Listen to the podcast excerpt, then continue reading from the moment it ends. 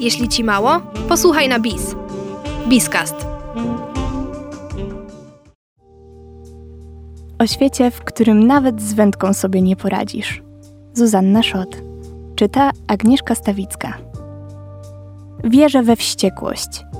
Uważam na ogół, że sprawy, które mogą zostać przedyskutowane w spokoju, bez emocji, bez złości, to sprawy mało istotne. Że liczą się tylko te, które budzą w tobie awersję, choćby tylko chwilową, wobec oponenta. Martin Kaparos. Głód to nie jest książka dla jesieniar.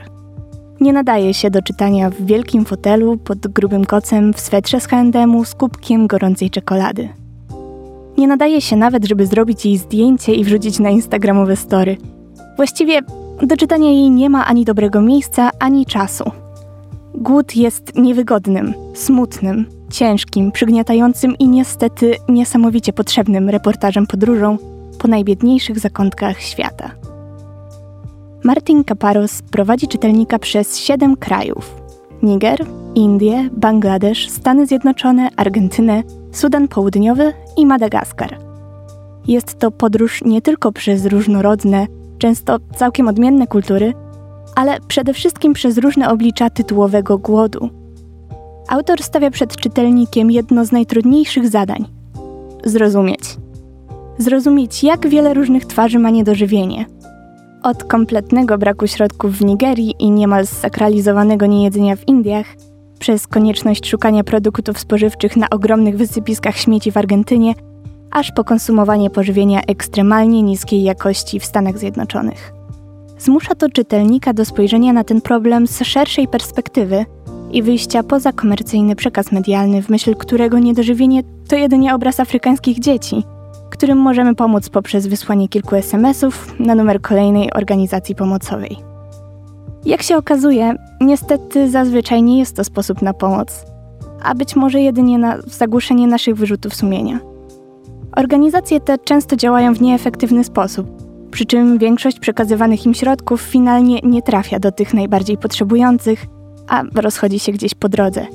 Między innymi na kwestie organizacyjne, łapówki czy formy pomocy, które wcale nie poprawiają sytuacji. Oczywiście w tym miejscu w głowie czytelnika z pewnością rozbrzmiewa jeszcze inne, fundamentalne pytanie. Dlaczego właściwie mowa tutaj o jakichkolwiek wyrzutach sumienia? Co przeciętny europejski czytelnik ma wspólnego z kryzysem żywieniowym na drugim końcu świata? To jedno z zagadnień, które Kaparos porusza w swojej książce. Nie od dzisiaj wiadomo, że codzienne wybory każdego z nas kształtują rynek i warunkują to, jak wygląda świat. Jednak kwestia głodu to, jak się okazuje, mechanizm niezwykle złożony, wielowarstwowy i trudny. Nie ulega wątpliwości, że to przez państwa Zachodu sytuacja w Afryce jest tak dramatyczna, że to my kształtujemy tak ogromny popyt na mięso, tworzymy tak wiele śmieci i nie reagujemy tak efektywnie, jak powinniśmy na krzywdę drugiego człowieka. Jednak z całkiem logicznych pobudek nachodzą nas wątpliwości. Czy to w ogóle ma jakiekolwiek znaczenie? Czy jednostka liczy się w tej całej skomplikowanej machinie? Czy zmiana nastawienia i zachowań ma szansę jakkolwiek wpłynąć na rzeczywistość, skoro w tej grze karty rozdają ogromne korporacje i rządy? Autor właściwie nie daje odpowiedzi na to pytanie. Jeśli miałabym wymienić to, co najbardziej uderza mnie w tej książce, zapewne byłby to właśnie fakt stawiania czytelnika przed okrutnymi faktami i problemami, nie dając mu żadnych rozwiązań czy odpowiedzi. Z pewnością trudna w odbiorze może być również postać samego autora, który mimo reportażowego charakteru swojej książki nie hamuje się zbytnio z wyrażaniem w niej swoich poglądów politycznych czy własnej hipokryzji. Kaparos, mimo tego, że wielokrotnie podkreśla, jak istotne jest zredukowanie ilości produkowanego i spożywanego mięsa, by poprawić sytuację żywieniową na świecie, sam wegetarianinem nie jest. Tłumaczy to jedynie swoim argentyńskim pochodzeniem, a więc tym, że spożywanie dużej ilości wołowiny ma we krwi. Mimo to głód został okrzyknięty jednym z najważniejszych reportaży ostatnich lat i z tą tezą trudno się nie zgodzić.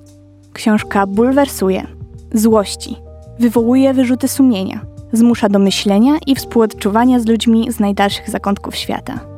W dobie dzisiejszej globalnej dyskusji na temat planety, kapitalizmu i zrównoważonej polityki jest to ważny głos, który pokazuje, jak kruchy jest człowiek i jak łatwo przychodzi nam o tym zapomnieć.